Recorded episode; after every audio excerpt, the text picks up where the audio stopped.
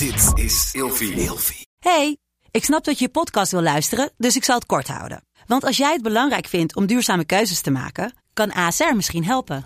Nou hoor ik je denken, hoe dan? Nou, bijvoorbeeld bij het duurzaam herstellen van schade. Of de premies die we beleggen volgens ons duurzaam beleggingsbeleid. Dat bepaalt waar we wel en juist niet in investeren. Wil je meer weten over welke duurzame keuzes ASR maakt? Ga dan naar asr.nl slash duurzame keuzes. ASR doet het. Zo, dan kan je nu lekker naar je podcast luisteren. Wat leuk dat je luistert naar de podcast Seks, Relaties en Liefdes. De plek waar ik in gesprek ga met mijn gasten over alle onderwerpen waar eigenlijk veel te weinig over gesproken wordt. Dus luister, geniet en laat je vooral inspireren. Ja, welkom bij een nieuwe aflevering van Seks, Relaties en Liefdes. En met vandaag Meliante Nicolai. Welkom. Dankjewel. Hey, jij bent uroloog, medeoprichter van Link to Claire Clinics in, uh, in Beeldhoven. Uh, voor mij is dat vanzelfsprekend wat een uroloog doet. Mijn vader was er eentje, is er eentje. Uh, maar kan jij eens in lekentaal uitleggen, wat is een uroloog? Nou, een uroloog is een dokter, een specialist in eigenlijk alles wat met plassen te maken heeft. Dus de nieren, de urinewegen, de blaas en ook dus de geslachtsorganen. En dan met name hebben we het dan ook over de mannelijke geslachtsorganen, dus de prostaat, de, de, de ballen, zeg maar, en de penis. Ja, want de, de kinder, bij kinderen wordt urologie heel vaak en voor meisjes en voor jongens gezien. En dan vervolgens, als ze volwassen worden, zie je toch vaak dat de mannen dan bij de uroloog terechtkomen en de, de vrouwen bij de gynaecologie. Toch? Ongeveer? Ja, ja, kijk, bij gynaecologische patiënten is er natuurlijk vaak iets mis met de baarmoeder. Uh, of met kinderwens en of de eierstok. En die hebben mannen niet. Uh, en uh, bij urologiepatiënten gaat dus om het plassen. En mannen hebben een prostaat en die gaat heel vaak in de weg zitten voor het plassen. Dus daarom kom je dan vaker bij de uroloog als man. Ja. ja. ja. Hey, je hebt heel veel onderzoek gedaan naar seksualiteit in jouw carrière. Waarom seks als focus? Nou ja, ik denk dat het een, uh, een oer iets is waar mensen gewoon uh, heel veel behoefte aan hebben. Uh, dat het een deel is van je leven. en dat dat ook zo is in het leven als je ziek bent of ouder wordt. En ja, ik miste gewoon heel erg die uh, aandacht voor dat aspect in de zorg. Ik ben misschien zelf wat holistisch uh, van huis uit opgevoed. Um, mijn opa was ook al huisarts en seksuoloog, uh, kort na de oorlog. Dus um, ja, dat zit er denk ik gewoon een beetje in. En ik hou ervan om ja, de verschillende vakgebieden met elkaar te koppelen. En dat, nou ja, dat zie je eigenlijk niet zo goed terug in de opleiding. Uh, maar dus super mooi om daar onderzoek naar te doen. Want dan kan je dus ja, het grotere geheel pakken. Dus ik heb cardiologie en seksuele problemen uitgezocht. Uh, zo is bijvoorbeeld hart- en vaatziekten en erectiestoornissen natuurlijk enorm gecorreleerd. Hè? En is vaak een erectiestoornis, als het een lichamelijke oorzaak heeft, al een voorbode voor bijvoorbeeld een hartinfarct. Nou ja, dat, dat was eerst echt helemaal niet bekend. Dus vond ik super mooi om daar wat aan kunnen bijdragen. Ja, want dat is inderdaad wel bizar, hè? Dat, dat hele stukje seks, um, dan wel de seksologie, wordt eigenlijk in de gehele opleiding geneeskunde gewoon niet, niet meegenomen. Nou, heel, heel weinig inderdaad. En ik had dan een extra vak gedaan, seksuologie. En dat, ja, dat was met Henk Elsevier, die uiteindelijk ja. mijn opleider is geworden. Uh, dat vond ik fantastisch. Maar je zag ook wel dat dat echt een speciaal soort groepje studenten was die daarin gingen. En de rest die had er helemaal geen aandacht voor. Nee. nee, heel bijzonder. Heel bijzonder. Zeker ook omdat er inderdaad gewoon heel veel, um, nou ja, heel veel ziektebeelden zijn. Waarbij het stukje seksualiteit ook wordt aangetast, aangeraakt, beïnvloed. Ja, bijna alle eigenlijk. Ja, en dat er dus eigenlijk geen aandacht voor is. Niet alleen tijdens de opleiding, maar ook inderdaad in de dagelijkse zorg die er geleverd wordt in, in ziekenhuizen of in, in klinieken. Dat dat hele stukje seksualiteit gewoon nauwelijks besproken wordt. Tenzij je het geluk hebt dat je dan wel een arts hebt, dan wel een consulent, dan wel een, een verpleegkundige die het aandurft om het onderwerp seksualiteit te bespreken. Ja, helaas is dat nog steeds wel zo. En sinds de jaren zeventig wordt er echt wel al steeds meer uh, aandacht aan besteed. Alleen de zorg is gewoon zo ontzettend druk. Mensen hebben daar gewoon echt ook heel weinig tijd voor. En ze krijgen er ook geen geld voor. Dus ja, uh, het is echt een soort van extra. En zo wordt het gezien van het is ja, een soort luxegoed. Maar het is natuurlijk geen luxegoed. Want het is zo wezenlijk van belang voor je, ja, je mentale gezondheid en je relatie. Uh, ook. Dus ja, het is ontzettend zonde om daar geen aandacht aan te besteden. Ja, hey, en wij gaan het in het kader daarvan vandaag hebben over uh, seksualiteit, na kanker of seksualiteit en kanker. Omdat ja, heel veel vormen van kanker, misschien zelfs alle vormen van kanker, hebben wel dan wel tijdens de behandeling, dan wel daarna gevolgen voor je seksualiteit. Ja, 100 Niet alleen uh, de lichamelijke impact die het heeft. Als je bijvoorbeeld chemotherapie hebt gehad, ben je heel moe. Uh, je gaat er anders uitzien, je kan kaal worden. Dat soort zaken zijn natuurlijk heel impactvol voor hoe je je seksueel gezien voelt. Maar ook, ja, dus um, uh, fysiek um, een stoma bijvoorbeeld heeft heel veel invloed. En het feit dat je ziek bent geweest als mens, dat, dat hakt er vaak enorm in. En je moet jezelf dan helemaal herontdekken. En je partner moet daar ook natuurlijk in meegroeien. Dus dat is heel complex. Ja, hey, daar gaan wij het uh, zo uitgebreid over hebben. Ik heb aan jou gevraagd om vijf woorden te bedenken die voor jou gaan over seks, relaties en liefdes. Welke zijn dat? Um, nou, ten eerste verbinding. Um, omdat seks heel belangrijk is voor de verbinding met jezelf en met de ander of de anderen. Um, en ook met uh, verbinding met het grotere geheel, denk ik, als mens. Ik denk dat je. Het is misschien een beetje spiritueler dan uh, de arts zou zeggen, maar dat je toch uh, voelt dat er meer is dan alleen jij en je lichaam, maar dat, dat je samen of alleen tot een hogere vibe kan komen, zeg maar. Dus het tweede woord was ook spiritualiteit. Um, ja, ik denk dat in het Westen is het een beetje platgeslagen. Uh, het woord seksualiteit. Um, en het wordt ook wel heel wetenschappelijk nu steeds meer mm -hmm. uitgeplozen. Maar uh, het is natuurlijk veel meer dan dat. Eh, 5000 jaar geleden al in het oude India en in China werd er gesproken over ja, dat seks de meest heilige vorm is van eenwording. En waarbij mensen dus ja, um, opstijgen samen naar een hogere energievorm bijna. En ze noemen ook het orgasme le petit.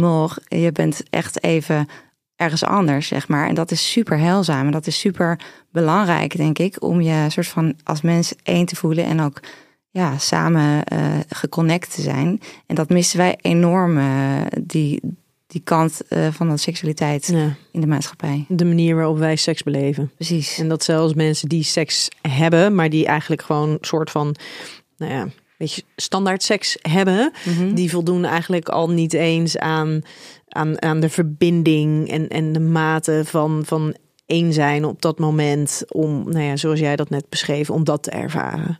Ja, omdat heel veel mensen natuurlijk ook door wat je in pornofilms ziet of wat je in de media ziet, ze hebben een bepaald soort wens, zeg maar, van hoe ze eruit willen zien en hoe ze seksueel over willen komen. En onze cultuur is natuurlijk ook ja, honderden jaren al heel erg um, ja, repressief geweest op het gebied van seks. We mochten eigenlijk juist dat niet doen. Hè. Dat was een beetje uh, nou ja, vies en zondig Letterlijk gemaakt. verboden. Ja, precies. Letterlijk dus, criminele activiteiten soms zelfs. Ja, en tegenwoordig is dat natuurlijk veel meer eruit die sferen gehaald, gelukkig. Maar nog steeds blijft die culturele uh, sluier daarop wel rusten. En dat duurt denk ik nog honderden jaren voordat wij in het Westen die vrijheid weer voelen. Zoals die eigenlijk, denk ik dat je die zou moeten voelen. Ja, maar zijn die, zijn die twee dingen dan soort van verenigbaar? De manier waarop we in het Westen uh, leven, waarbij het dus heel erg gaat over techniek, over wetenschap, over nou ja, ontwikkelingen, tastbare ontwikkelingen. Terwijl waar, waar als je het hebt inderdaad over uh, de seks uit het, uit het oosten, om het zo maar even te zeggen. Dat gaat natuurlijk veel meer over zijn, over ervaren, over die verbinding aangaan. En dat is, is natuurlijk ja, daar is net zo goed als dat er voor seksualiteit meer aandacht is. Op het moment is er ook wel veel meer aandacht voor spiritualiteit en bewustwording. En hey, je moet niet altijd maar blijven rennen, maar je moet af en toe ook even stilstaan. Dus ja, daar is natuurlijk wel veel meer aandacht voor aan het komen. Maar het is ook wel een heel groot contrast. Datgene hoe, hoe de westerse maatschappij geleefd wordt. Mm -hmm. En datgene wat er eigenlijk gevraagd wordt, de vaardigheden van het stilstaan, het vertragen, het zijn, het voelen. Wat wenselijk is om seksualiteit in zijn ultieme vorm te kunnen beleven. Ja, dat is, dat is ook de split, denk ik, waarom zoveel mensen ook klachten hebben, ook op dat gebied. En ik zie bijvoorbeeld heel veel mannen met bekkenbodemhypertonie, uh, gewoon stressgerelateerd alle spieren gaan samenknijpen. En dan, dan kan je het al niet laten stromen. Dus het is ook niet voor niks natuurlijk dat yoga zo populair aan het worden is. Er zijn zoveel prikkels. Uh, ga maar eens nou ja, naar binnen en samen met je partner voelen, gewoon stil zijn en voelen. Uh, en jezelf ontdekken, uh, terwijl al die dingen van je gevraagd worden. Ja, je staat continu aan, ja. aan, aan, aan. Je wordt continu overvraagd, continu overprikkeld. Je moet op, op, op drie plekken tegelijkertijd zijn. En gewoon het, het zijn met jezelf, met je lijf, in verbinding met je partner. Ja, dat, dat, dat, is dan, dat wordt dan ineens heel hard werken. Ja, precies. Maar ik denk dat dat eigenlijk op de basisschool al moet worden geleerd aan kindjes. Van uh, ga eens uh, ademhalen. Ga eens voelen wat het met je doet als je langzaam ademhaalt. En wat voel je in je buik of wat voel je in je hart als je die persoon ziet. Mijn dochter zei bijvoorbeeld gisteren... Uh, wat heeft een vriendje, ze is zes. Als ik met hem ben, dan um, wordt mijn hart warm. Dacht ik, ja, zij, zij voelt het. Zij is een kind en zij staat nog veel meer in connectie daarmee. Ja. En dat is precies eigenlijk wat wij dus als volwassenen niet leren even kunnen meer. En dat wel heel belangrijk is om denk ik fijn te leven. Ja, ik had inderdaad ook met uh, mijn zoontje van de week. Dat hij, hij was allemaal, hij was helemaal druk aan het doen, enthousiast. En maar hij, hij, hij lag al in bed. Ik lag er naast. En dat ik dus ook zei: Oké, en nu ga je even rustig liggen. En gaan we alleen eventjes ademhalen. En legde ik mijn hand legde ik op zijn buik. Gewoon om even rustig te worden. Precies. Maar als ik kijk naar hoe vaak ik dat voor mezelf doe, of uh, ik dat van mijn partner zou verwachten, ja, dat, dat, dat, is heel grappig hoe je dat dan dus wel bij je kind dus af en toe eventjes doet. Mm -hmm. um, omdat je dan denkt, oh, die heeft het nodig, maar niet zozeer voor jezelf bedenkt, hé, hey, dit is misschien iets wat ik nodig heb. Nee, ja, en het is natuurlijk ontzettend heilzaam. We weten het uit de duizenden studies. En um, we weten het ook gewoon ja, uit de ervaring. Dat je je stresslevel kan heel erg verlagen door bijvoorbeeld gewoon bewust aan te halen. Ja. Of gewoon in een bos te lopen. Ik bedoel, in uh, Japan doen ze ook al bosbaden. Dat is omdat je daar gewoon echt significant minder stress van krijgt. Ja. En stress is natuurlijk ontzettend slecht voor je hele lijf. En chronische stress. Nou ja, chronische stress precies. Maar ja. dat is natuurlijk wel wat er veel al gebeurt. En dat heeft weer, vergroot juist ook weer de kans op ziekte. Ja. Ja, en daar is inderdaad een beetje stress is prima, want dat zet je ook in beweging. Dat maakt mm -hmm. dat je gaat handelen. Maar er is een verschil tussen er, hey, je, je, moet een lezing geven of je hebt iets en daardoor ervaar je wat stress, wat prima adequate stress is, helpend zelfs soms wel. Maar het is de chronische stress. Het is er voortdurend de druk voelen, voortdurend het gejaagde, ja. het voortdurend idee hebben dat je achter de dingen aanloopt. Ja, en daarom vind ik het zo zonde als mensen dat ook op seksueel gebied ervaren. Dus dat ze denken van, oh, we moeten seks hebben drie keer in de week. Of ik moet een erectie hebben om het lekker te kunnen hebben. Of ik moet een orgasme hebben.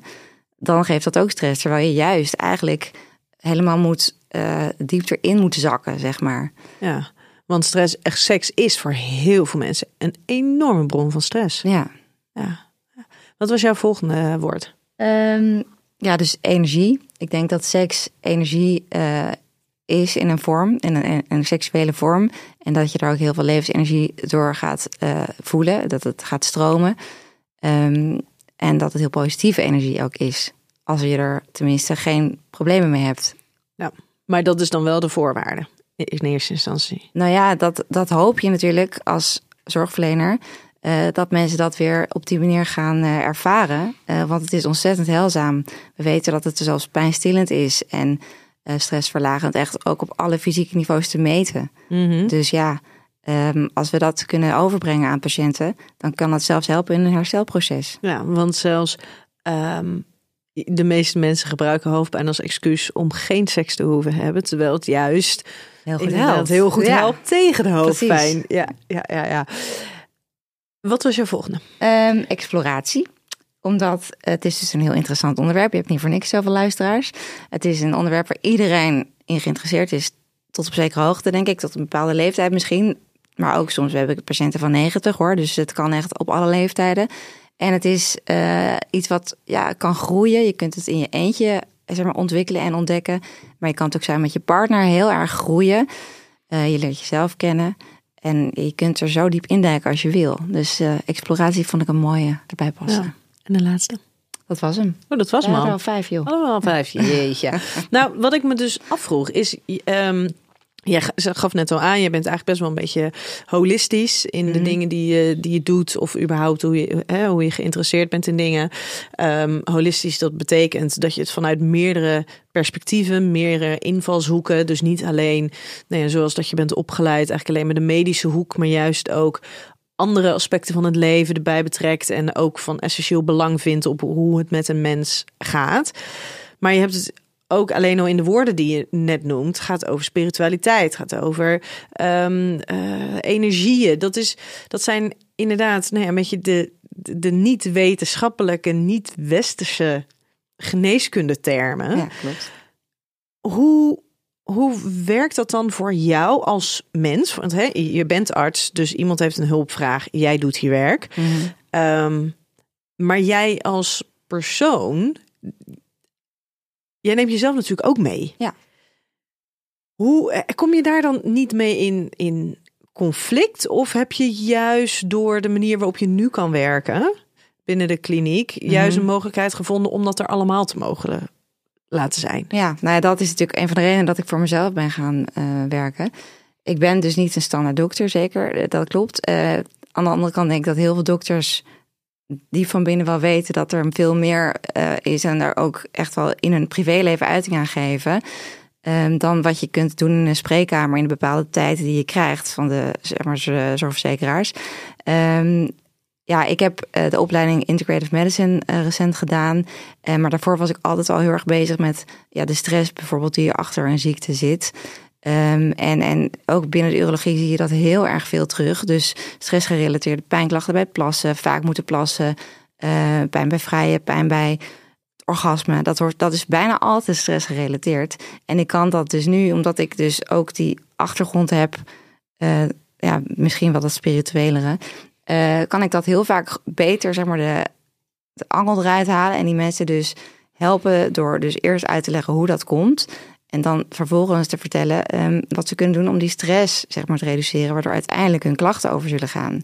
Als je daar geen tijd voor neemt om dat uit te leggen, dan gaan ze ook niet daaraan werken. Dan gaan ze niet naar een bekkenfysiotherapeut. Dan gaan ze niet ehm, zeg maar naar een coach bijvoorbeeld. Zijn ze altijd bereid om naar jou te luisteren? Want ik kan me ook voorstellen, als je naar een arts gaat, dat merk ik ook wel, dus mensen die komen dan bij je, die hebben een hulpvraag, die denken ik ga naar een hulpverlener. Ehm, nu krijg ik eh, het middel, het Ja. antwoord op al mijn klachten en dan ben ik over een week klachtvrij. Nee, en dan, klopt. En dan moeten ze ineens gaan werken. Ja, dat vinden heel veel mensen heel irritant, dat klopt. En soms geef ik ze dan ook wel een pilletje of zo ter overbrugging. maar ja, nee, het ligt ook een beetje aan dus die persoon, hoe, hoe die zichzelf al, al ontwikkeld heeft. Maar tegenwoordig zie ik wel veel jonge, ik zie veel jonge mannen die gewoon voelen ook wel dat ze niet goed met hun stress omgaan. Of dat ze En wat is jong? Nou, tussen de, de, zeg maar 15 en de 35. 15. Ja, Jij ziet jongens van 15. ja. Ja, die dus, dus bijvoorbeeld heel veel pijn hebben bij het orgasme of heel snel klaarkomen of juist veel te langzaam, omdat ze helemaal op slot zitten. En dat kan je dus ook hebben bijvoorbeeld met een kaakklem of nekpijn. Eh, dan weet je, oké, dat zal wel stress zijn, maar dat kan dus ook in je bekkenbodem zitten.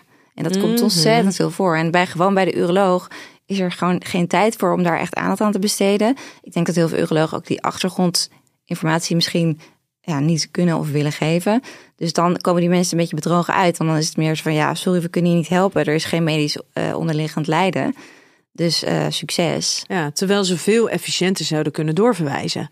Ja, Want inderdaad, wat je zegt, je je kan, je kan spanning in je nek opslaan, je kan spanningshoofdpijn hebben, je kan spanning, eh nee, je, je- je schouder kan je zwakke plek zijn, noem het maar op.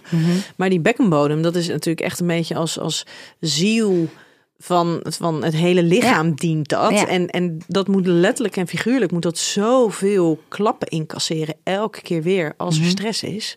Ja, en dus als je dat niet kan ontspannen en je plast bijvoorbeeld tegen dus een dichte sluitspier aan continu, dan wordt je blaas heel dik en geïrriteerd van. Ja, en dan moet je dus heel vaak plassen.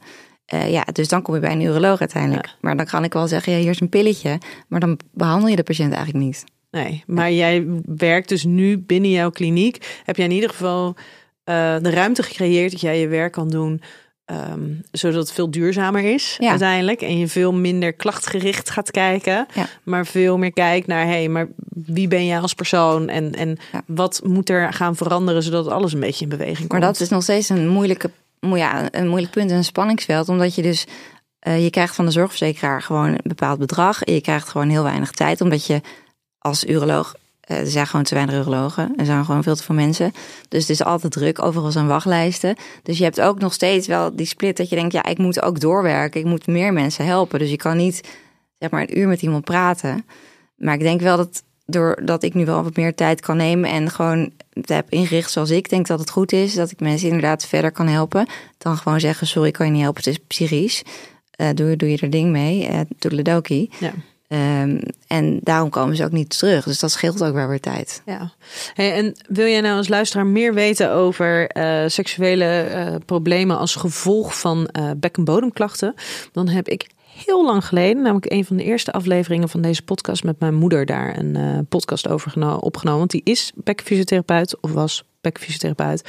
En er zijn dus gewoon heel veel seksuele klachten die uh, als gevolg van uh, bijvoorbeeld een te hoge bekkenbodemspierspanning kunnen ontstaan. Wat weer een gevolg is inderdaad van, heel vaak van stress. En dat kan acute stress zijn, maar dat kan ook stress zijn.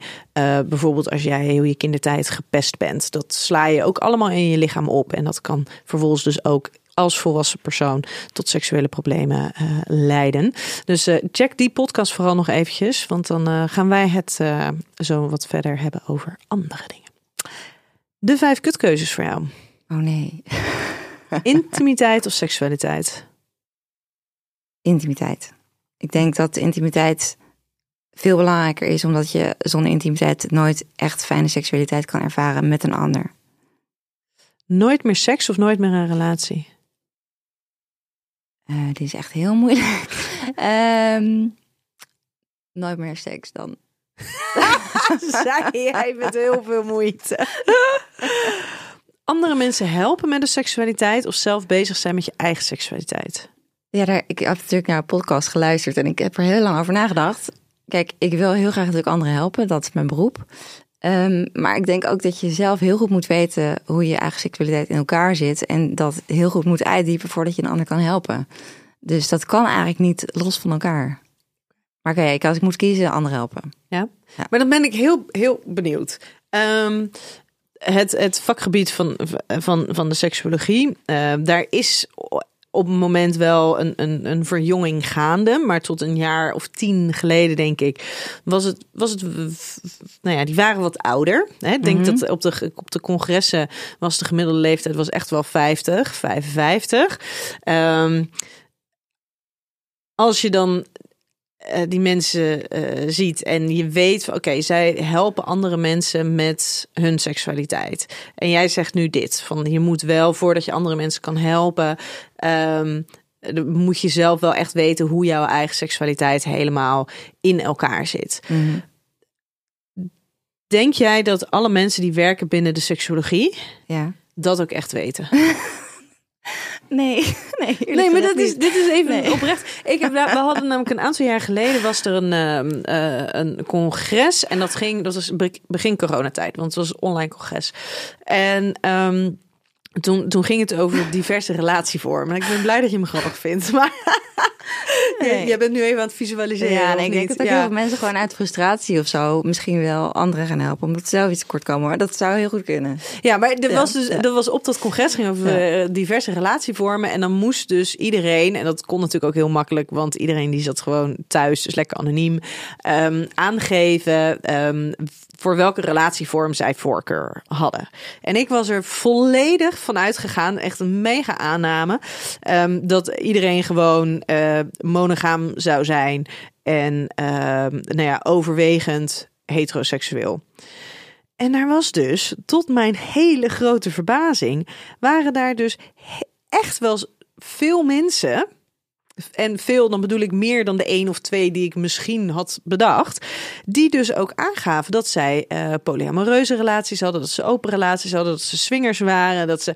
Mooi. Toen dacht ik, oh, ik vind dit heel, ik vind dit heel prettig om dit te zien, maar kwam ook wel een beetje onverwacht. En toen dacht ik, oeh, dan heb ik toch ook wel een heel sterk nou ja, vooroordeel. Dus nee, dat hebben we natuurlijk allemaal. Natuurlijk hebben we allemaal, maar inderdaad, ik ben dus oprecht nieuwsgierig. En ja, ik weet niet of we daar wat mee kunnen.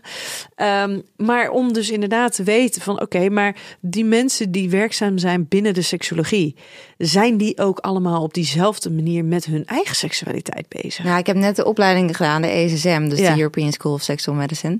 En dat is dus Europees. En dan heb je uit alle landen, uit alle culturen, heb je mensen. Dat is echt bizar eigenlijk, want die zitten allemaal bij elkaar te praten over seks met hele verschillende culturele ideeën en eh, ook religieuze achtergronden. Ehm, maar je ziet dus, ja, je ziet ook mensen die het echt als een soort van wetenschap helemaal bedrijven. Waarvan ik echt niet zeker weet of ze daar zelf nou heel erg open over zijn. Maar dat ze toch anderen ermee willen helpen binnen hun culturele eh, waardepakket, zeg maar. Bijvoorbeeld, eh, nou ja, ik kan er zoveel bedenken waar dat echt wel onderdrukt is nog. En in die landen heb je ook natuurlijk seksuologen.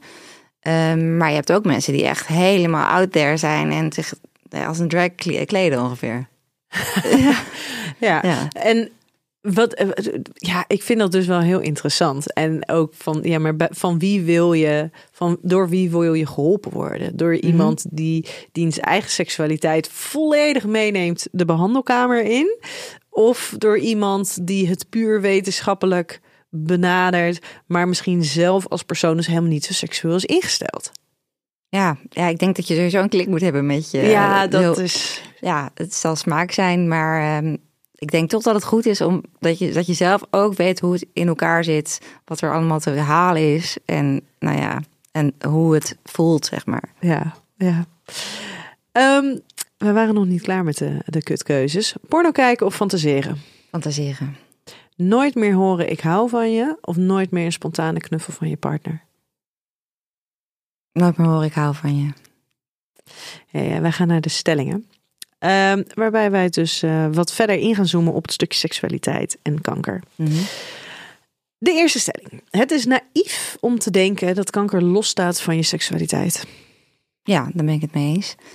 Eh, want ja, zoals ik al zei, ziek zijn is altijd van invloed op je seksualiteit. Als je niet lekker in je vel zit, dan, ja, dan ben je ook niet op je seksueels meestal. Dan, ga je, dan ben je ook niet, zeg maar, hitsig vaak. En eh, je voelt je dan vaak ook tekortschieten natuurlijk naar je partner toe als je die hebt. Dus dat heeft ontzettend veel invloed. Ja. Staat iedereen ervoor open om, om het over seksualiteit te hebben op het moment dat je eh, bijvoorbeeld eh, net de diagnose hebt gehoord en of dat je bezig bent met chemo? Staan mensen dan open voor seksualiteit? Nou, dat wisselt wel heel erg hoor. Maar ja, wat ik eh, merk op het spreekuur, wat ik draai in het Antonie van Leeuwenhoek ziekenhuis, dat heet ook seksualiteit na kanker, dat spreekuur, dat mensen in het begin heel erg op het overlevingsstand staan van ik wil nu gewoon die kanker weg hebben of ik wil gewoon alles doen om die te bevechten. En dan pas daarna, als ze weten van het, het is of chronisch of het is zeg maar, afgewend, het probleem, gaan ze daar weer over nadenken. En ook de partners merk je dat heel erg aan. Weet je, ook al zou je beginnen over eh, de seksuele impact eh, de eerste twee, drie maanden na of tijdens zo'n behandeling, dan zal die partner ook zeggen: Nou, laat nou maar even. Weet je, hij is gewoon nu ziek. Ja. Eh, go fix it. En dan daarna kijken we wel weer eens een keer. Ehm, maar dat is ook juist het probleem. Die klap die komt uiteindelijk toch. En dan is er vaak ook geen hulp meer voorhanden. Of dan durven ze er niet meer over te beginnen. Of dan begint de arts er überhaupt niet over. Ja. Nou, want daar ben ik wel, eh, de- en die ligt een beetje in lijn met de volgende. Seksualiteit is van secundair belang als je soms letterlijk doodziek bent. Ja, eh, nee, ja, ik denk dat dat niet zo is. Want ik denk dat seksualiteit een deel is van je zijn als mens. Ehm, en ook een heel groot deel van je relatie. En de meeste mensen hebben natuurlijk wel een relatie. Dus dat eh, heeft impact op je hele zijn. En zou je dan onderscheid kunnen maken tussen intimiteit en seksualiteit in dit geval? Uiteraard, ja. Maar intimiteit is by far het belangrijkste. Ja, we weten ook natuurlijk dat als je babytjes niet aanraakt in de eerste dagen, dan gaan ze dood. Ik bedoel, je hebt het als mens gewoon nodig. Dus eh, het is heel erg belangrijk dat daar ook mee door wordt gegaan met intiem zijn. Ja. En dat intimiteit zelfs misschien ergens nog wel een helende werking. 100 Kan procent. Ja, 100 procent. Het is echt ehm, troostend. En, en mensen denken, hebben dan ook het gevoel dat ze zich- zichzelf nog ergens zijn als ze die, die seks nog maar kunnen hebben zoals het was. Ja. Maar de seks, de kans is natuurlijk heel groot dat de seks niet meer is zoals dat was. Nee, Nee, maar je hoort toch wel heel vaak verhalen dat ze zeg maar ehm, dat het, het samen zijn, het connecten, dat dat het belangrijkste is. En dat dan die seksuele handelingen veranderen naar bijvoorbeeld knuffelen of gewoon naakt tegen elkaar aanliggen. Uh, dat maakt niet zo heel veel uit. Uh, het gaat om een heel zeg maar, palet natuurlijk aan dingen die je intimiteit en seksualiteit kan noemen. Mhm. En dat kan heel makkelijk verschuiven in, ziek, in ziektes en, en ook met ouder worden. Uh, mensen zijn gelukkig heel flexibel vaak. En de partners ook, als er echt liefde is. Mhm. Um, maar natuurlijk, als je doodziek bent, als je echt aan de chemo bent en je bent alleen maar aan het overgeven en je kan geen aanraking verdragen, ja, dan is dat natuurlijk op dat moment van secundair belang. Ja. Is, is daar aandacht voor? Voor uh, dus op het moment dat iemand er dus op zo'n moment dan niet behoefte uh, aan heeft. Dat gaat natuurlijk heel erg vanuit degene die dan ziek is. Maar de partner die is niet ziek. Mhm. Die uh, heeft misschien, ja, hè, dat zal natuurlijk absoluut veranderen. Want op het moment dat je moet zorgen voor je partner, je wil niets beter dan dat je partner gewoon alleen zich iets beter voelt of iets comfortabeler voelt. Dus je bent zelf ook helemaal niet zo bezig met ik wil seks, maar er is natuurlijk, zijn wel behoeftes naar genegenheid, naar affectie. En als dat er dan niet is of niet kan zijn, um, wordt, wordt daar ook rekening mee gehouden in de gesprekken die er zijn rondom seksualiteit en intimiteit met, met patiënten? Nou ja, ja, ik zie graag dus mensen met hun partner. Um, en dan hou ik daar natuurlijk zeker rekening mee. Maar ik weet niet of dat in het algemeen bij iedere oncoloog op die manier wordt besproken. Nee. Ik denk, kijk, daar is vaak de tijd al op als er gesproken is over de behandelmogelijkheden en hoe ze het gaan aanpakken en hoe de voortgang is, zeg maar, daarin. Um, dus daar moet dan ik echt een aparte consulent voor zijn. En dat is super belangrijk natuurlijk. Um, ja, de zorg is daar helaas nu niet op ingericht, nee. nee. Maar als je het dus inderdaad hebt over seksualiteit is van secundair belang als je soms letterlijk doodziek bent. Um, daarvan zei, daar ben je het niet, niet mee eens. Sterker nog, als, ik, als we het er zo over hebben, zou het juist van primair belang zijn om die onderwerpen, die thema's wel te integreren. Zowel in de gesprekken naar de patiënten toe, als voor mensen die ermee te maken hebben. Om daar wel echt, echt ruimte voor, voor uh, in te nemen. Ja, maar dus dat zou betekenen dat ook altijd een psycholoog of een seksuoloog, psycholoog aanwezig moet zijn in een team of, of de verwijzing mogelijk moet zijn. Om dit soort gesprekken goed te kunnen voeren. Ja, want dat is niet natuurlijk voor iedere arts weggelegd. Uh, daar wordt hij niet voor opgeleid ook. Nee. Nou, ik vond het wel dus heel bijzonder dat um, uh, we zijn afgelopen uh, maanden in aanraking gekomen dan met, dat was in het Erasmus met de oncologieafdeling. En daar werd dus gelijk informatie um, meegegeven, maar ook daarin over dat stuk seksualiteit. En ja. dat vond ik echt wel heel bijzonder. Dat daar dus inderdaad werd gezegd van nou, hè, het kan een impact hebben op jou of op je partner. En uh, hè, als je wil, kan je er met over in gesprek gaan met iemand. Ik ben zo blij om dat te horen. Ja, nee, maar ik vond echt, het, ja, het was gewoon, ja, ik ja, denk er zijn dat gelukkig of... slagen gemaakt de afgelopen 10, ja. 20 jaar. Zeker. Ja, nou weet ik dat in het Erasmus dat daar inderdaad ook, uh, dat, hè, de, de, de, ken ik daar ook een aantal seksuologen, dus die zitten daar ook echt wel op. Uh, maar dan moet je dus wel het geluk hebben dat die handreiking wordt gedaan. En waar houdt dan die handreiking op? Want inderdaad, als je in zo'n eerste fase zit, is het natuurlijk het is als bijna als vanzelfsprekend om alleen maar te denken: oké, okay, ik moet dit verwerken en ik moet gaan overleven. Mm -hmm. Dat, dat is wat ik moet doen. Ja. En ik voel me nu niet goed door de chemo's, uh, dus ik heb helemaal geen zin in aanraking of in vormen van intimiteit. Maar wat is dan denk jij, een, hoe zou het dan idealiter eruit zien voor hulpverleners om toch die handreikingen te blijven doen? Zeg je van hé, hey, we, we doen het alleen in het begin. En als ze dan daar geen belangstelling voor hebben, want nu werd natuurlijk die papieren werden dan gegeven. Nou, dat is dan in zo'n beginfase. Dan moet je zelf de keuze daarin maken. Mm -hmm. um, maar is dat dan waar de verantwoordelijkheid ophoudt? Of zou je zeggen van nee, bij elk, elk gesprek moet het even aangehaald worden? Of elke drie maanden moet het even benoemd worden. Wat, wat zou dan volgens jou iets werkzaam zijn? Ja, dat is dus heel ingewikkeld. Want je wil mensen ook niet doodgooien met iets waar ze eigenlijk misschien helemaal geen zin in hebben. Namelijk, sommige uh, mensen hebben helemaal geen behoefte aan seks. We hebben geen partner. Uh, maar er zijn ook heel veel mensen die wel, uh, ook op hele hoge leeftijd en ook zonder partner, daar wel heel veel informatie over zouden willen hebben. Ehm, maar dus op het juiste moment. Dus ja, daar zijn we nog steeds een beetje zoeken in. Je wil inderdaad niet ieder uh, consult het moeten benoemen. Ik denk ook niet dat dat gaat lukken. Ehm, maar er moet dus ergens een, een, een, poster of een folder of een link of een video zijn. Uh, en, en dus de drempel moet verlaagd worden, zodat mensen weten dat ze erover mogen beginnen. Mhm. Want dat is denk ik nu een beetje het punt dat ze soms daar niet over durven te beginnen. Of denken er is geen tijd voor. Of gewoon er niet aan denken als ze in het ziekenhuis zijn. Um, dus ja, er moet gewoon awareness zijn. Ja. ja. Volgende stelling. Het gaat niet alleen op het risico van seksueel functioneren dat minder wordt, maar ook om het gevoel van mannelijkheid dan wel vrouwelijkheid dat wordt aangetast. Ja, helemaal mee eens. Ja, je kunt je natuurlijk voorstellen als je als vrouw een borst verliest, daar is het vast al heel veel over gegaan, dat je dan je minder mooi voelt. En we weten dat vrouwen, eh, ja, zeggen, als ze zich seksueel en mooi en bemind voelen, dan het beste, zeg maar, uiting kunnen geven aan hun seksualiteit. Helaas is dat toch echt heel erg belangrijk voor vrouwen om zich mooi en bemind te voelen. Um, dus dat heeft enorm veel impact op het vrouw zijn natuurlijk. En, en dan moet het licht uit of dan moet er een BH aan.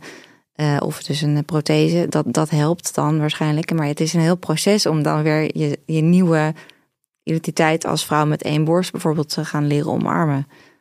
En bij mannen is dat echt enorm zo met hun erecties, merk ik.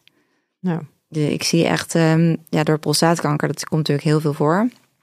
Een op de zeven mannen uiteindelijk krijgt ermee te maken. Hè. Um, die mannen krijgen bij elke vorm van de behandeling toch een erectiestoornis. Dan wel blijvend, dan wel uh, tijdelijk. Um, en ja, ze komen toch dan vaak heel erg verdrietig of zelfs depressief uh, naar dat spreekuur. Omdat ze gewoon ja, zich niet meer de oude voelen. Uh, normaal waren ze dan geprikkeld. En dan ging daar de erectie ging dan uh, omhoog staan, zeg maar. En nu is dat er niet, maar ze, het gevoel in hun hoofd is hetzelfde. Dus ze herkennen zichzelf niet terug. Ja, alleen de fysieke opwindingsreactie wordt minder of blijft zelfs uit. Ja. ja. En dus daar, dan is het altijd een hele moeilijke uh, om weer opnieuw seksueel te leren denken op, zonder erectie. Want het, het, het, patroon is van, van jongs af aan voor die mannen. Ik heb een erectie, dus ik zal wel opgewonden zijn. Ja. En nu is er dus geen erectie, maar je kunt dan nog wel opgewonden zijn. En uh, wat ga je dan doen als je geen erectie hebt en je bent opgewonden? En dat ja. is echt een heel proces. En hoe kan je dan seks hebben? En kan je dan nog gaan leren genieten van seks zonder dat je een erectie hebt? Nou ja, dat is dus de, de uitdaging. En natuurlijk uh, kan dat zeker. En heel veel mannen kunnen het gelukkig ook leren, omdat ze durven open-minded te zijn. En bijvoorbeeld speeltjes uitproberen en met hun partner erover hebben. Um, maar er zijn ook mannen die gewoon heel erg vasthouden aan hoe het vroeger was. En het ja. oude riedeltje. En die komen er soms echt niet uit, nee. Nee, want datgene hoe ze seks kenden, zo werkt het gewoon niet meer. Nee. Um, maar het verlies van erectie betekent nog niet dat je dus ook niet meer kan gaan genieten van seks. Absoluut niet. En nou zijn er, um, nou zijn er ook in de medische wereld natuurlijk allerlei soorten protheses en zo. Mhm. Mm -hmm. Zijn dat dingen die jij in eerste instantie dan ook al zou aanraden? Nee, dat is altijd wel de laatste stap hoor. Um, de stap 1 is natuurlijk eerst de verwerking. Het nieuwe uh, wij, het nieuwe ik uh, zoeken. Uh, samen praten en vooral zorgen dat intimiteit blijft. Stap 2 is dan dus ook kijken wat er nog mogelijk is om die erectie bijvoorbeeld te herstellen. Um, want er zijn natuurlijk pillen. Je kan met een vacuümpomp een erectie mechanisch maken. Met een ring kan je hem vasthouden. Um, dat werkt heel goed. En dat werkt ook om de penis zeg maar fit te houden. Dat is, ja, ik doe daar studies naar. Penisrevalidatie na prostaatkanker. Mooi woord. Uh, Penisrevalidatie. Ja, ja. Omdat uh, als je dus bijvoorbeeld een zenuwbaan uh, aantast door een operatie voor de prostaatkanker, hè, dan krijg je standaard twee jaar of anderhalf jaar bemoeilijkte erecties. Ook al zijn die zenuwen niet helemaal kapot. ze liggen er een tijdje uit. En als je dan twee jaar helemaal geen erecties hebt, dan uh, ja, dan wordt de penis dus echt ook kleiner en stugger, dus minder elastisch. Dus op het moment dat je zenuwbanen dan wel weer doorvuren, uh, um, dan is die penis niet meer functioneel of is hij niet meer zo goed als hij was en kleiner. Dus dan is het belangrijk dat je in die tijd dat je geen erecties hebt, eigenlijk toch erecties opwekt. Dus bijvoorbeeld met een vacuümpomp. Uh, om te zorgen dat dat lichaamsdeel eigenlijk gewoon fit blijft. Dat je hem eigenlijk gewoon inderdaad blijft trainen. Ja, want ik, ik zeg ook altijd zo, als je je arm uit het gips gaat, uh, en dan doe je er verder niks mee, dan blijft dat een dun slap armpje natuurlijk. Ja, dus dat, moet je echt met de penis is hetzelfde. Ja. Maar goed, dat dat is moeilijk, want heel veel dokters vertellen dat natuurlijk niet. Uh, dat is, daar moet je ook wel echt naar een gespecialiseerd arts. En gelukkig zijn er wel altijd overal mogelijkheden om dat te bespreken. Ja, maar het lijkt me ook wel lastig als je het inderdaad dan hebt over dat gevoel van mannelijkheid. Mhm. In zo'n geval. Ehm, ja, dan moet je dus, dan moet je dus met zo'n pomp aan de gang. En dan zit je dan op de rand van je bed. Met die pomp, ja. Met die pomp. Nee, ja, echt sexy is het natuurlijk niet. Dus ik zeg ook altijd dat ze het moeten zien als fitness voor de penis. En dat het echt ja, een workout is en niks met seks te maken hoeft te hebben. En als ze seks willen hebben en het werkt lekker, die pomp, dan kun je natuurlijk wel een erectie daarmee maken. En we weten dat als je dat goed gebruikt, dat je gewoon kan penetreren met Ja. een mechanisch ge, gekweekte zeg maar, erectie. En kan je dan ook een orgasme krijgen?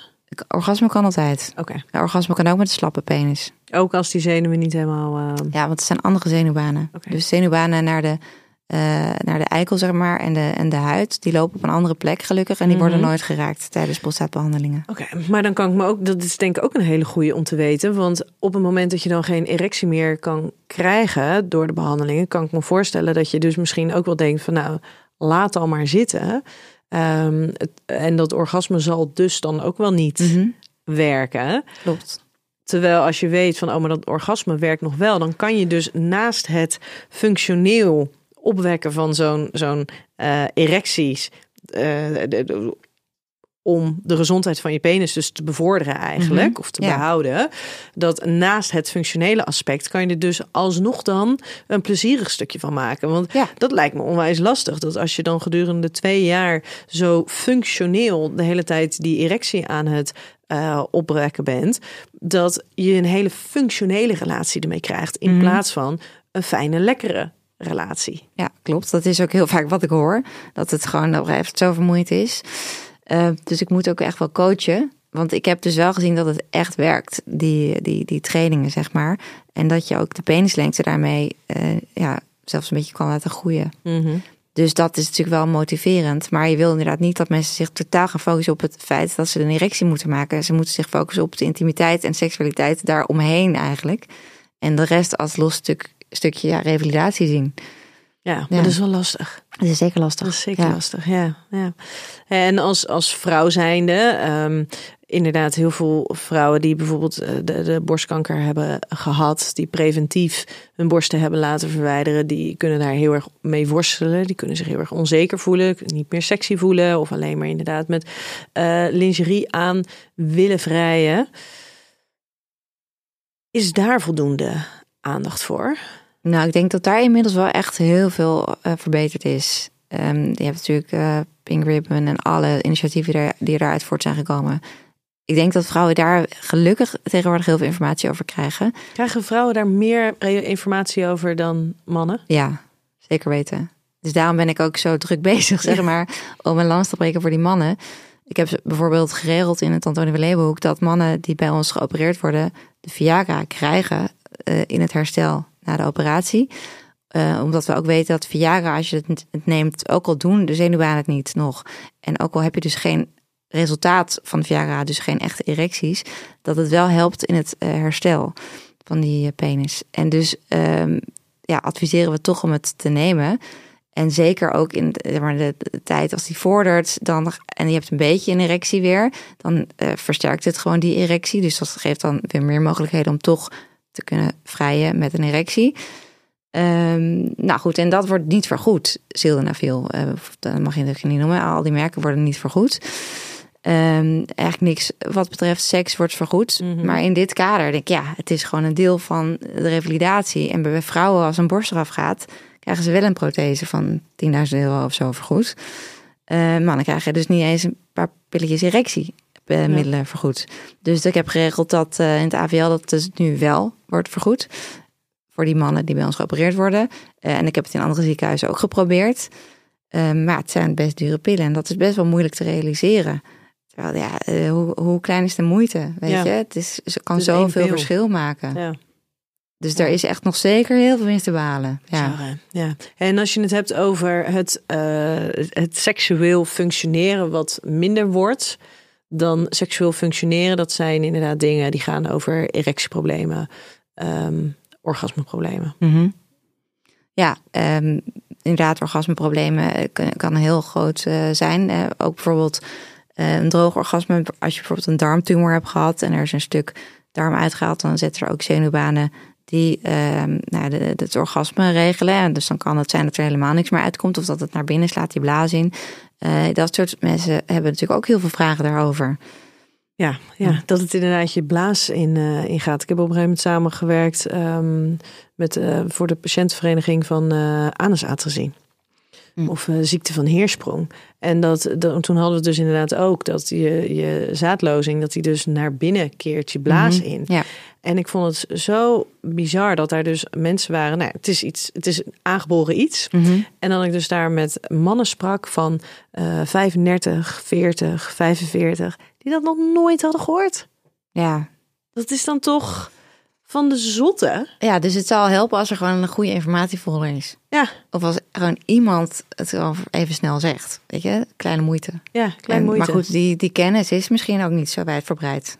Of, en ja, ik denk eerlijk gezegd ook dat de, de aandacht daar niet zo heel erg voor is geweest. Maar het wordt gelukkig steeds meer. Ja. Maar dus voor mannen met kanker uh, is de behandeling van seksuele functiestoornissen nog niet zo goed op de kaart gezet als bij vrouwen na borstkanker. Dus uh, vandaar dat ik uh, me daar heel druk over maak. Heel goed, heel goed. Als je beter ingelegd bent over de gevolgen van je behandeling op je seksualiteit, zou je andere keuzes kunnen maken. Uh, ja, ook. Ja, ik denk dus dat het ook echt op maat gemaakt moet zijn, die behandeling. En dus dat iemand perfect geïnformeerd moet zijn op alle fronten. Dus uh, wat het doet op de ziekte, maar ook wat het doet op je lijf en op je seksualiteit. En dan pas kun je goede keuzes maken. Ja, maar soms heb je natuurlijk ook geen keuze. Hè? Soms is het gewoon, de kanker moet eruit, maakt niet uit wat, anders ga je gewoon dood. Ja, dan ga je daar natuurlijk niet over nadenken, over seks. Nee, maar dat is natuurlijk wel een aanname vanuit de artsen. Nou ja, als het medisch gezien natuurlijk een hele gevaarlijke tumor is, bijvoorbeeld. Ja, dan, dan ga je niet zeggen: oké, okay, we besparen, we besparen een paar zenuwen met de ja. kans dat je nog kanker hebt. Maar dan heb je tenminste nog erecties, bijvoorbeeld.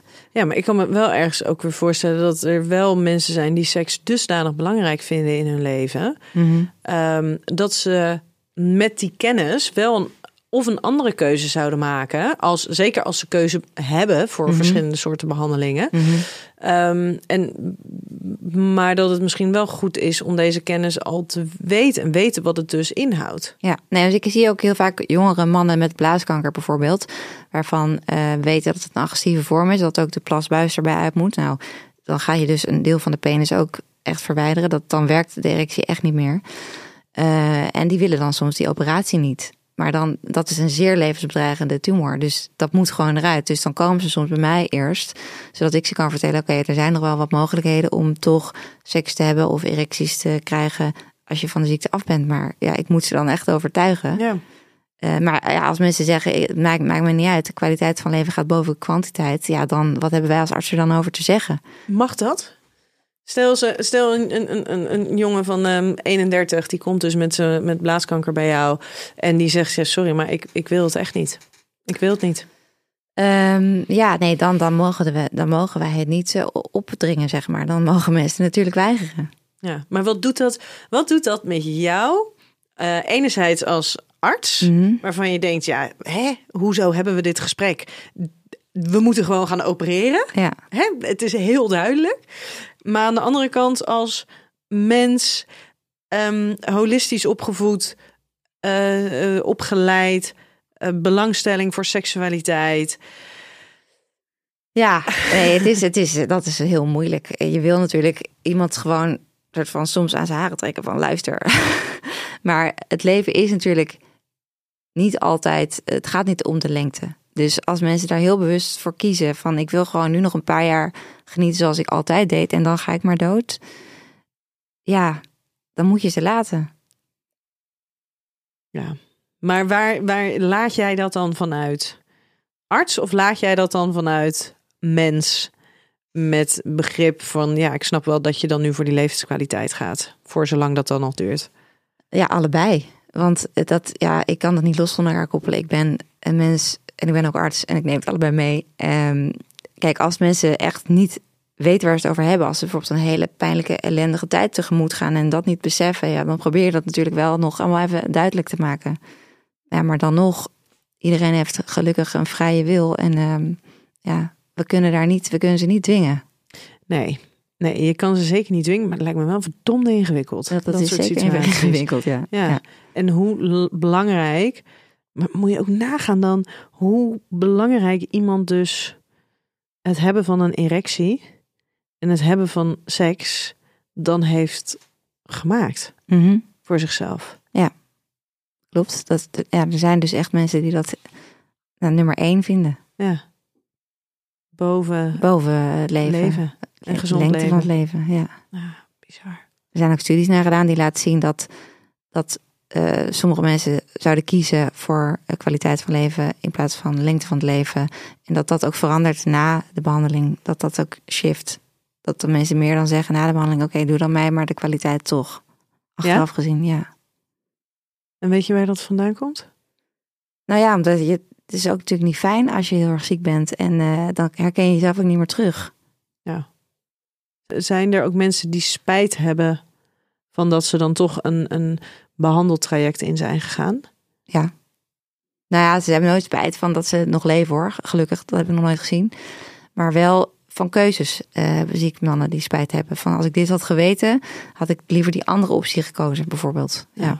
Want er is altijd een optie om nou ja, niet te behandelen. Mhm. Ehm, zijn er vaak verschillende opties in, eh, in het behandelen van bijvoorbeeld prostaatkanker? ja. Ja, alleen je geeft natuurlijk medisch gezien de meest veilige optie, oncologisch gezien. Dus dat je wil dat dan de kans dat het terugkomt of dat, het er, dat er nog iets zit, het kleinste is. Ehm, maar ja, als je dat dus niet zo belangrijk maakt als bijvoorbeeld iemand al wat ouder is. Ja, dan kan je ook zeggen van nou, we, doen het met de mildere variant. En dan kijken we wel waar het schipsrand dat kan. Ja. De psychologische impact van kanker op je seksuele gezondheid wordt te vaak onderschat door zowel, door zowel zorgverleners als patiënten. Eh, ja, ben ik het mee eens. Ik denk dat daar, eh, ja, de mens heeft gewoon ontzettend veel aan eh, gewoon een goede seksuele relatie, maar met name een intieme relatie. En ehm, ja, als dat dus wegvalt, of omdat je jezelf niet meer bent, of omdat je bijvoorbeeld een stoma krijgt, of je, eh, ja, je kunt niet meer je bed uit, dan, dan is dat natuurlijk ontzettend eh, naar. En, en ja, hoe gaan wij daar als, als zorgverlener mee om? Eh, om dat mensen duidelijk te maken en om daarin te ondersteunen. Ja, dat, dat, daar is helemaal geen soort van template voor of zo nog. Nee, en dat zou er natuurlijk wel moeten zijn of moeten komen.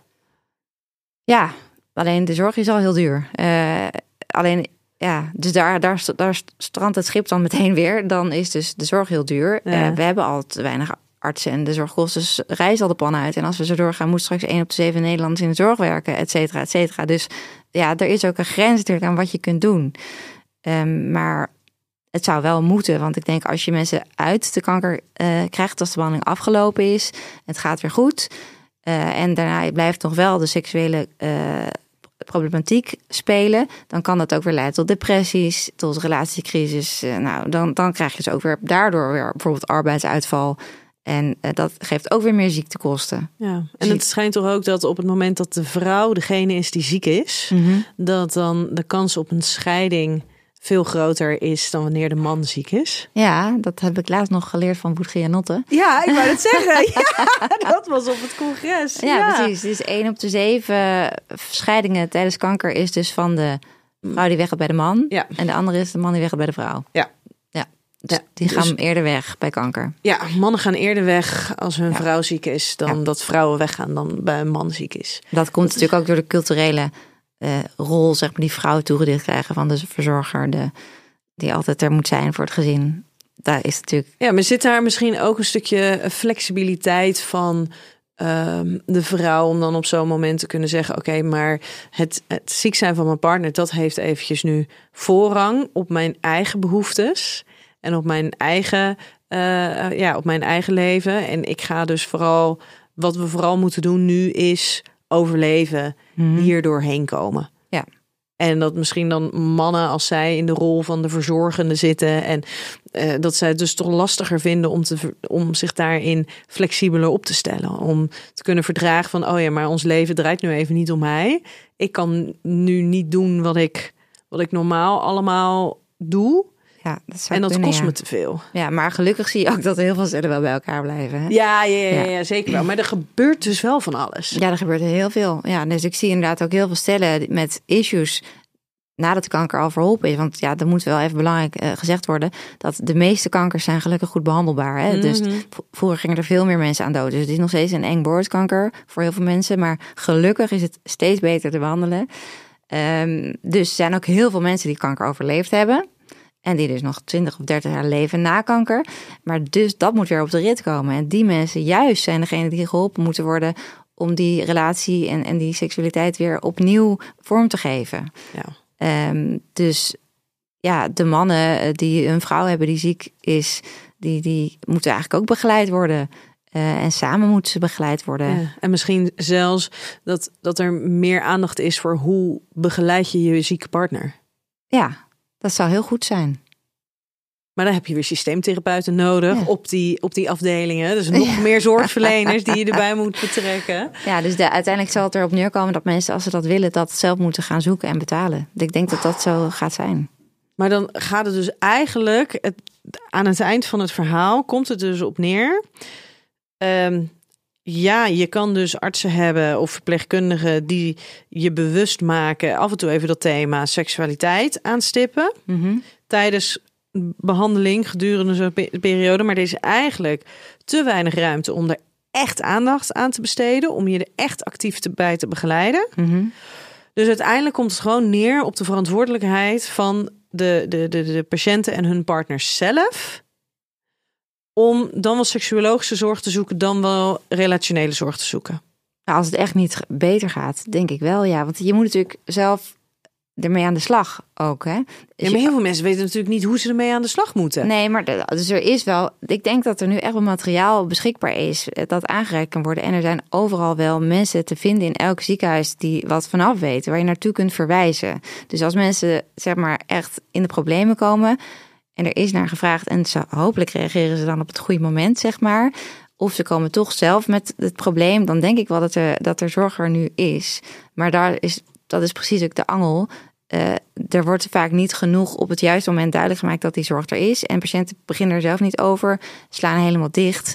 Ehm, bijvoorbeeld vrouwen zie ik met die mannen met prostaatkanker die denken van nou, ik moet blij zijn dat hij er nog is. Ja, Het is jammer dat we geen seks meer hebben, maar ik ga er niet mee lastigvallen, want dat doet hem alleen maar pijn. ja want dan, dan leg ik alleen nog maar druk Precies. op hem en voelt hij nog meer een gevoel van falen. Exact. ja. En dan gaan ze dus gewoon nou, dat niet meer doen, niet meer aanraken. Dan denk je van straks dan denkt hij van nou, misschien wil ze seks en dan kan hij niet. En dan is hij weer Teleurgesteld. En is hij, ja, dan is, voelt hij zich schuldig. Dus we beginnen er helemaal niet meer over. En die man denkt, hoezo begint er niet over? Hallo, eh, ben ik niet meer aantrekkelijk? ja. Dus dan loop je helemaal uit elkaar, zeg maar. En dan kan er echt ook een soort kilt in een relatie komen. En dit is niet uitzonderlijk. Hè? Nee, dit is echt uitzonderlijk. iets heel Nee. erg voor de hand liggend dat dit is wat er gebeurt. Ja, en daar wordt er dus niet over gepraat. Nee, En ook niet meer aangeraakt, omdat dat seks zou kunnen uitlokken. ja. En daar gaan dan dus echt eh, ja, relaties toch langzaam aan kapot. Eh, terwijl als je samen daarover zou spreken van eh, hoe diegene dat ervaart, waarom je niet meer elkaar aanraakt en wat je dan wel zou willen qua aanraking, ja, dan kan je dat natuurlijk voorkomen. Ja, en daar was inderdaad ook hè, op dat congres waar we waren, waarbij Wout Gianotte, die keek dus inderdaad wat is dan ehm, ziekte rondom ehm, chronische ziekte, langdurige ziekte eh, en seksualiteit. Hoe, hoe zit dat? Mhm. En eh, kan, eh, ja, kan, kan seksuologische hulpverlening, kan dat daar een preventieve rol in, in spelen? En ah, een van de dingen die hij toen ook aangaf, is eigenlijk moet je dus van tevoren, voordat het echt heftig wordt, voordat Mhm. je geen interesse meer hebt in seksualiteit, omdat je je te belabberd voelt, eigenlijk moet je aan de voorkant, als je te horen krijgt, hey, we moeten gaan behandelen, of we vermoeden dat, dan aandacht gaan besteden aan dat stukje seks. Ja.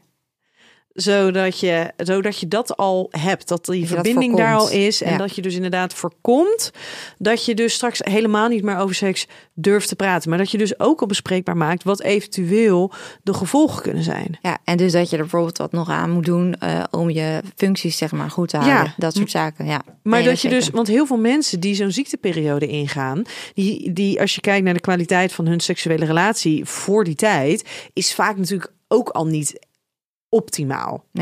Klopt. Hè, er zijn natuurlijk sowieso over het algemeen heel veel mensen met niet een optimale seksuele relatie. Helemaal Die, die nemen genoegen met wat er is. Die, het is lekker, het is, het is, of het is functioneel, of het is makkelijk, maar het is niet iets waar ze zich helemaal in, in verliezen op een positieve manier. En waar, waar ze zichzelf seksueel gezien aan alle kanten eh, kunnen omarmen en Mhm. intens van kunnen genieten. Nee, het is, het is, het is er gewoon. Dus als je dan inderdaad vanaf dat punt dan te maken hebt met zo'n nou ja, zo'n verstoring in je hele leven, Mhm. hè, door ziek worden. Maar ja, dan, dan blijft natuurlijk van die seksuele relatie al heel snel heel weinig over. Nee, dat klopt. Dus dan zie je ook dat mensen zeggen, nou, het is wel goed zo, of we laten Ja, het gewoon. Het is veel makkelijker. Maar er is meestal toch wel een van de twee die dat dan toch gaat missen. Of dat, dat het toch gaat wringen. Of dat het een soort broer-zusrelatie wordt. ja. Dus het is zonde. En ik denk dat Woet er helemaal gelijk in heeft. Die bewustwording van de impact die een ziekte heeft op je seksuele en intieme leven. Die moet aan de voorkant eigenlijk er zijn. Er moeten gesprekken zijn. eh, zodat je samen in dat proces kan, zeg maar, hand in hand gaan lopen. En niet apart. ja, en uiteindelijk, of je moet geluk hebben met jouw zorgverlener en dienstinteresse of diensttiming met betrekking tot seks. Mhm. Of je moet uiteindelijk gewoon zelf de verantwoordelijkheid nemen over dat stukje seksualiteit. Ja. En zorgen dat je op de juiste plekken terechtkomt. Dat je bij de juiste mensen terechtkomt. Dat je Precies. durft te vragen naar, hey, wat gaan we hiermee doen? Want als jij alleen al dat voorbeeld over een man die dan vervolgens door zenuwbeschadiging geen eh, erectie meer kan krijgen, maar waarbij het absoluut wel van belang is dat hij die erecties blijft opwekken. Mhm. Ehm, in het, hè, in het belang van het krijgen van, van gezonde erecties In op de het moment toekomst, in de precies, toekomst. Weet je, dat is, dus de eerste keer dat ik dit hoor. Nee, het is heel Ehm, onbekend nog, Dit is ja. super belangrijk. Ja, maar daarom heb ik. Dit is de reden dat ik ook funding nu heb gekregen voor een onderzoek. Om dit zeg maar beter op de kaart te zetten. Om te laten zien wat je dus moet doen voor die penisrevalidatie. En wat het effect is. Eh, ja, er is gewoon te weinig nog over. En er zijn wel studies naar gedaan, maar er is nog geen richtlijn. Omdat er niet groot. De studies zijn niet groot genoeg. Er is niet genoeg duidelijkheid. Nee. Maar we weten allang dat het belangrijk is om die zwellichamen gewoon eh, actief te houden. Want Ja. normaal heeft een man dus vijf keer per nacht ongeveer een erectie. Hè? Dat is gewoon de natuur om te zorgen dat je penis fit blijft. Ja. En dus als dat er niet is twee jaar lang, ja, dan kan je je voorstellen dat zo'n orgaan het gewoon niet meer goed doet. Ja, en heeft niks te maken met je mannelijkheid. Heeft niks te maken met je eh, dat je faalt. Dat is gewoon hoe het lijf. Ja, en dus ook bij Werkt. mannen met hart- en vaatziekten, dat is natuurlijk een ander onderwerp. Maar Ja. door alle risicofactoren voor hart- en vaatziekten, krijg je dus vaatverkalking, krijg je ook op een gegeven moment minder erecties. Het is een voorbode voor andere ellende. Ehm, als je dan, als we starten van bij de eerste erectiestoornis met eh, je leefstijl aanpassen, meer gaan sporten eh, en, en zorgen dat je, je vaten weer goed worden, dan voorkom je dus ook hart- en vaatziekten. Ja, Ja. dat zijn superbelangrijke dingen om te weten. Ja, alleen, de, en dat is natuurlijk het nadeel met onderzoek dat er wordt gedaan. Dat is ontzettend belangrijk, maar het duurt vaak even voordat dan die resultaten uit dat onderzoek ook zo doorcijpelen naar alle mensen die die Mhm. kennis moeten hebben. En niet alleen de professionals, maar dat je dus ook gewoon als mens kennis hebt over seksualiteit en Precies. weet van oh ja, dit is hoe het gewoon, dit, dit is waar ik aan moet denken of dit is hoe het moet werken of hey, dit is waar ik naar mag vragen. En daarom is je platform zo goed. Nou, hey, dankjewel. Hey. Hey, we moeten, hem, eh, we moeten hem gaan afronden. Is er nog iets waarvan je denkt, nou, dat vind ik zo van essentieel belang, die wil ik er nog even ingooien? Ehm, misschien ook de vruchtbaarheid nog even noemen. Mhm. Dat kanker natuurlijk ook heel veel invlo- invloed kan hebben op je fertiliteit. En eh, ook daar is niet altijd even veel aandacht voor. Ehm, en dat heeft natuurlijk ook heel veel impact op de toekomst als je kinderen wil en het kan niet meer. Dus ehm, ja, iedereen die luistert en in een traject komt of iemand kent in een traject, ja, zorg dat diegene ook bewust is van de impact van kankerbehandelingen zoals chemo op de vruchtbaarheid. Eh, en nou, dat diegene daar ook gewoon eh, zeg maar bovenop zit om daar eh, aandacht en, en, informatie over te krijgen. Ja, want dat is ook nog wel eens iets wat dan heel bizar is. Dat je hals over kop daar een beslissing over moet maken. Bijvoorbeeld moet eh, beslissen, ik wil toch nog wat invriezen. Eh, maar dat dat wel vaak allemaal in het hier nu op korte termijn beslissingen zijn die je moet gaan Ja, maken. dat is heel zuur, ja. Maar, Ja. maar ja, je hebt toch even spijt als je niet doet als je 24 bent en je hebt teelbalkanker. Zou je daarbij altijd adviseren in zo'n geval, doe het alsjeblieft wel? Ja, Ja, tenzij je echt al vanaf jong aan weet, ik wil absoluut nooit kinderen. Dat is tegen mijn principes in of zo. Kun je dat? Nee, natuurlijk niet. Kun je nee. dat weten? Nee, nee, zeker niet op hun leeftijd onder de 30, denk ik. Nee. Je weet ook niet hoe het leven loopt. Nee. Dus um, better safe than sorry. Ja. ja. Dus als je in die situatie komt, wie dan ook, als, als man zijnde, vrouw zijnde, um, zorg dat je, dat je daar later geen spijt van kan krijgen. Ja. Hey Meliante, dank je wel dat jij hier wilde zijn vandaag. Ja, graag gedaan. Um, zet je, ik zou zeggen, zet je goede werk uh, door. Maar dat, dat, ga je sowieso doen. Zeker. En ik denk dat het inderdaad heel belangrijk is. En het is zo zonde dat het niet als echt als basis geïntegreerd kan worden in die hele uh, oncologie. Omdat er gewoon te weinig ruimte voor is, te weinig tijd voor is, te weinig geld voor is. Ja. Het is zo ontzettend belangrijk. Ja, misschien komt toch nog ooit een uh, uitweg. Ja, geen kijken. Ja. hey, dankjewel. En lieve luisteraar, tot een volgende keer bij een nieuwe aflevering van Seks, Relaties en Liefdes.